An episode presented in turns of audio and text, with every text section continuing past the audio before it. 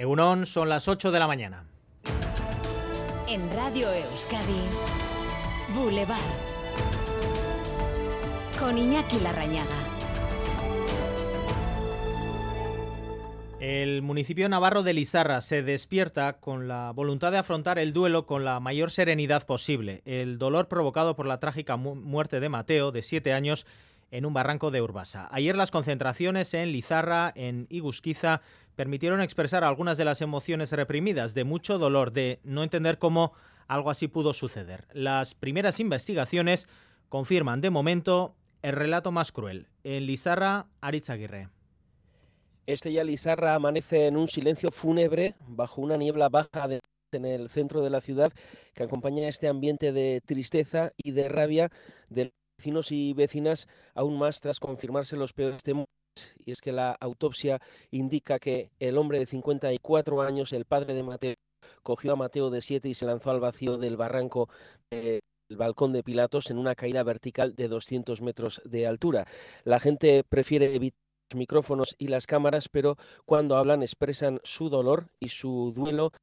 Estamos cerca de la Castola Lizarra, donde abrirá sus puertas dentro de hora donde estudiaba Mateo. Nos dicen que ya han iniciado ese proceso de acompañamiento. Recuerdan el acto de ayer en el que toda la comunidad escolar se reunió para compartir los sentimientos y apoyarse mutuamente. Esta tarde en Lizarra a las 8, otra concentración repulsa y solidaridad con la madre y familiares convocada por el movimiento feminista de Lizarraldea en una ciudad en toda Tierra Estella que está en estado de shock.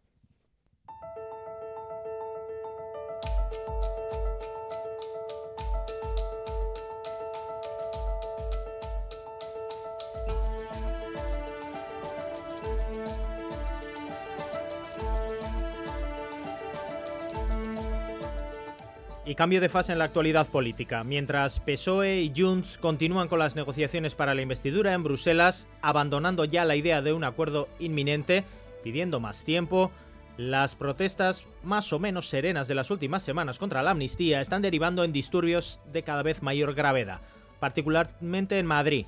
En Ferraz, capitalizados ya claramente por la extrema derecha más cercana a la falange, los enfrentamientos con la policía se han repetido por segundo día consecutivo.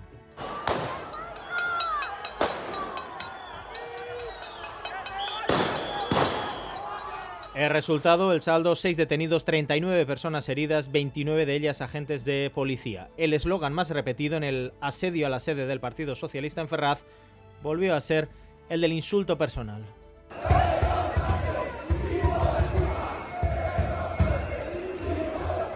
El centro de Madrid colapsado con contenedores ardiendo, mientras en redes sociales se multiplicaban las reacciones políticas. El presidente Pedro Sánchez criticaba el silencio de quienes por acción u omisión apoyan, decía, el asedio a sus sedes. Alberto Núñez Feijó, líder del Partido Popular, subrayaba que el respeto y la ejemplaridad deben reinar en las movilizaciones, aunque añadía el malestar es responsabilidad de Pedro Sánchez. Un cruce de reproches que en Euskadi se ha dirigido hacia el nuevo líder del Partido Popular tras estas declaraciones. Creo que es evidente que en España está habiendo una reacción que yo tengo que calificar de muy sana porque le están mermando su libertad y la tutela de los tribunales para que se haga justicia. Y creo que es muy bueno que haya una reacción social respecto de esto porque significa que hay un pulso democrático en España. Esa reacción muy sana ha sido objeto de crítica por parte de los líderes del Partido Nacionalista Vasco, Antonio Ortúzar y Partido Socialista de Euskadi, Eneco Andueza, que cuestionan ahora la supuesta moderación encarnada por el recién elegido líder del Partido Popular Vasco.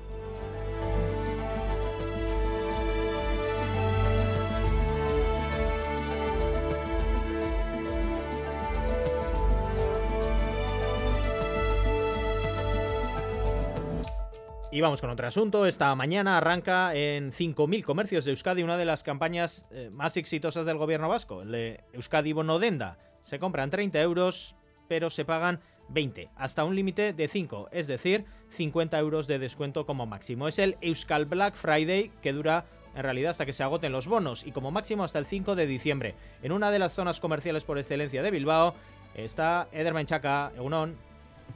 Egunon, sí, estamos en el barrio de Indauchu, eh, precisamente en la plaza Campuzano, en la zona donde se encuentran cientos de comercios, una zona comercial y estos establecimientos ya lucen esos carteles pegatinas que confirman a los y las usuarias donde pueden adquirir y hacer uso de esos bonos. Son muchos los comercios, como decimos, tanto de ropa, libros o farmacias, entre otras, que contarán con el sistema. Muchos usuarios nos han comentado, andarán con prisa para adquirir el bono. Más adelante les escucharemos en esos establecimientos en los que harán uso de ellos. Sobre todo nos cuentan muchos para hacer esas compras eh, de Navidad. Es que ricasco Eder y ponemos también el foco sobre la crisis política inédita que se vive en Portugal con la dimisión del primer ministro Antonio Costa involucrado en un caso de corrupción. Puede que haya además elecciones pronto en el país luso. Óscar Pérez. Sí, la mayoría de la oposición lo ha pedido ya después de que ayer la policía entrara en la vivienda del primer ministro, registrara varios ministerios, confirmara que investiga a cinco ministros y ha detenido también a cinco personas, entre ellas dos empresarios cercanos a Antonio Costa. La dignidad de funciones de primer ministro no es compatible. Costa defiende su inocencia, pero asegura que su continuidad en el cargo es incompatible con una investigación de ese calibre por corrupción vinculada con unas concesiones de minas. El presidente de la República, Rebelo de Sousa, se reúne hoy con los partidos políticos, va a consultar también al Consejo de Estado y mañana tiene previsto un discurso en el que podría anunciar el adelanto electoral.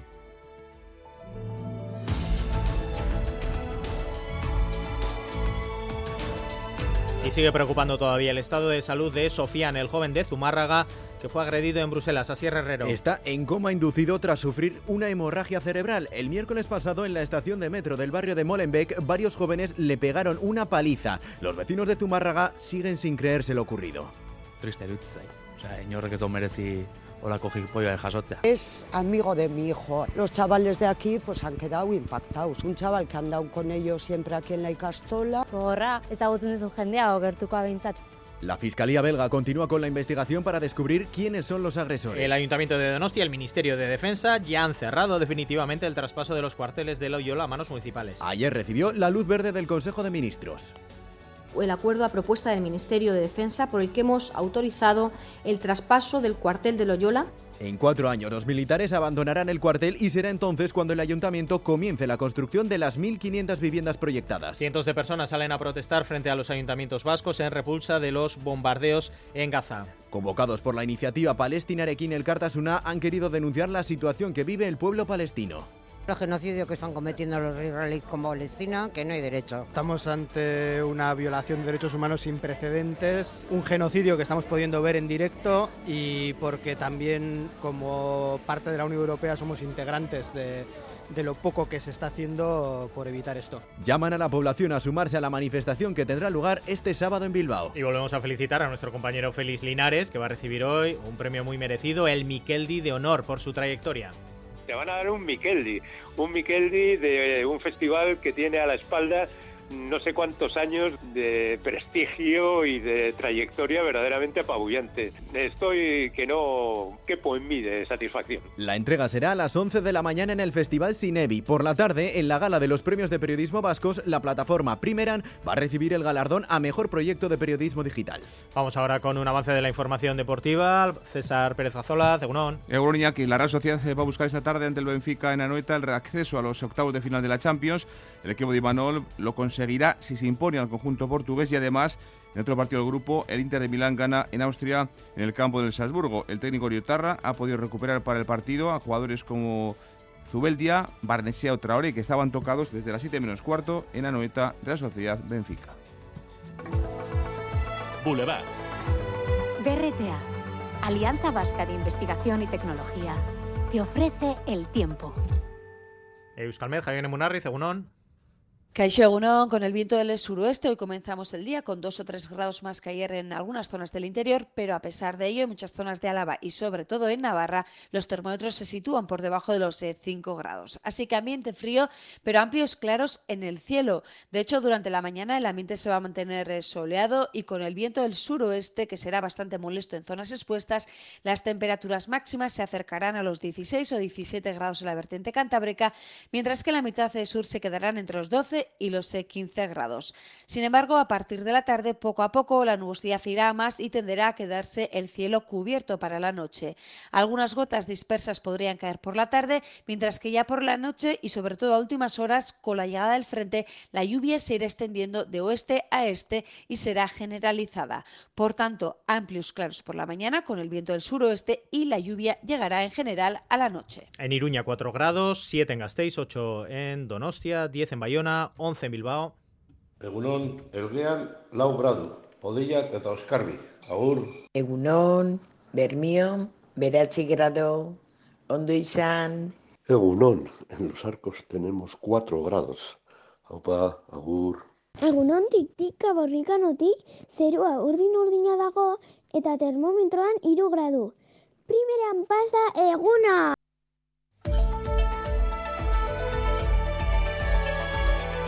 Boulevard. Tráfico. Vamos a fijarnos en la situación en las carreteras en esta eh, mañana. Begoña Doronsoro.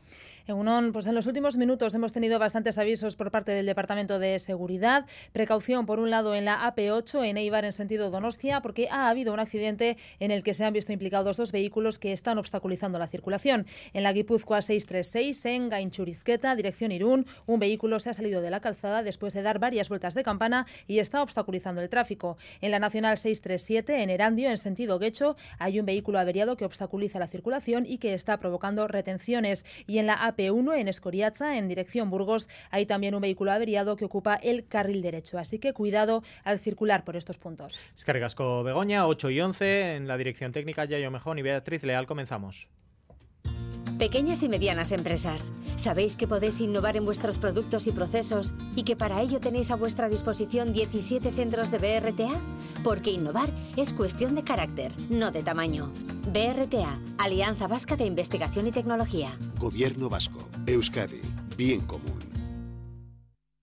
Ayúdanos a mejorar nuestra información con tus comentarios, fotos y vídeos. Envíalos al WhatsApp de Radio Euskadi 688 840 840.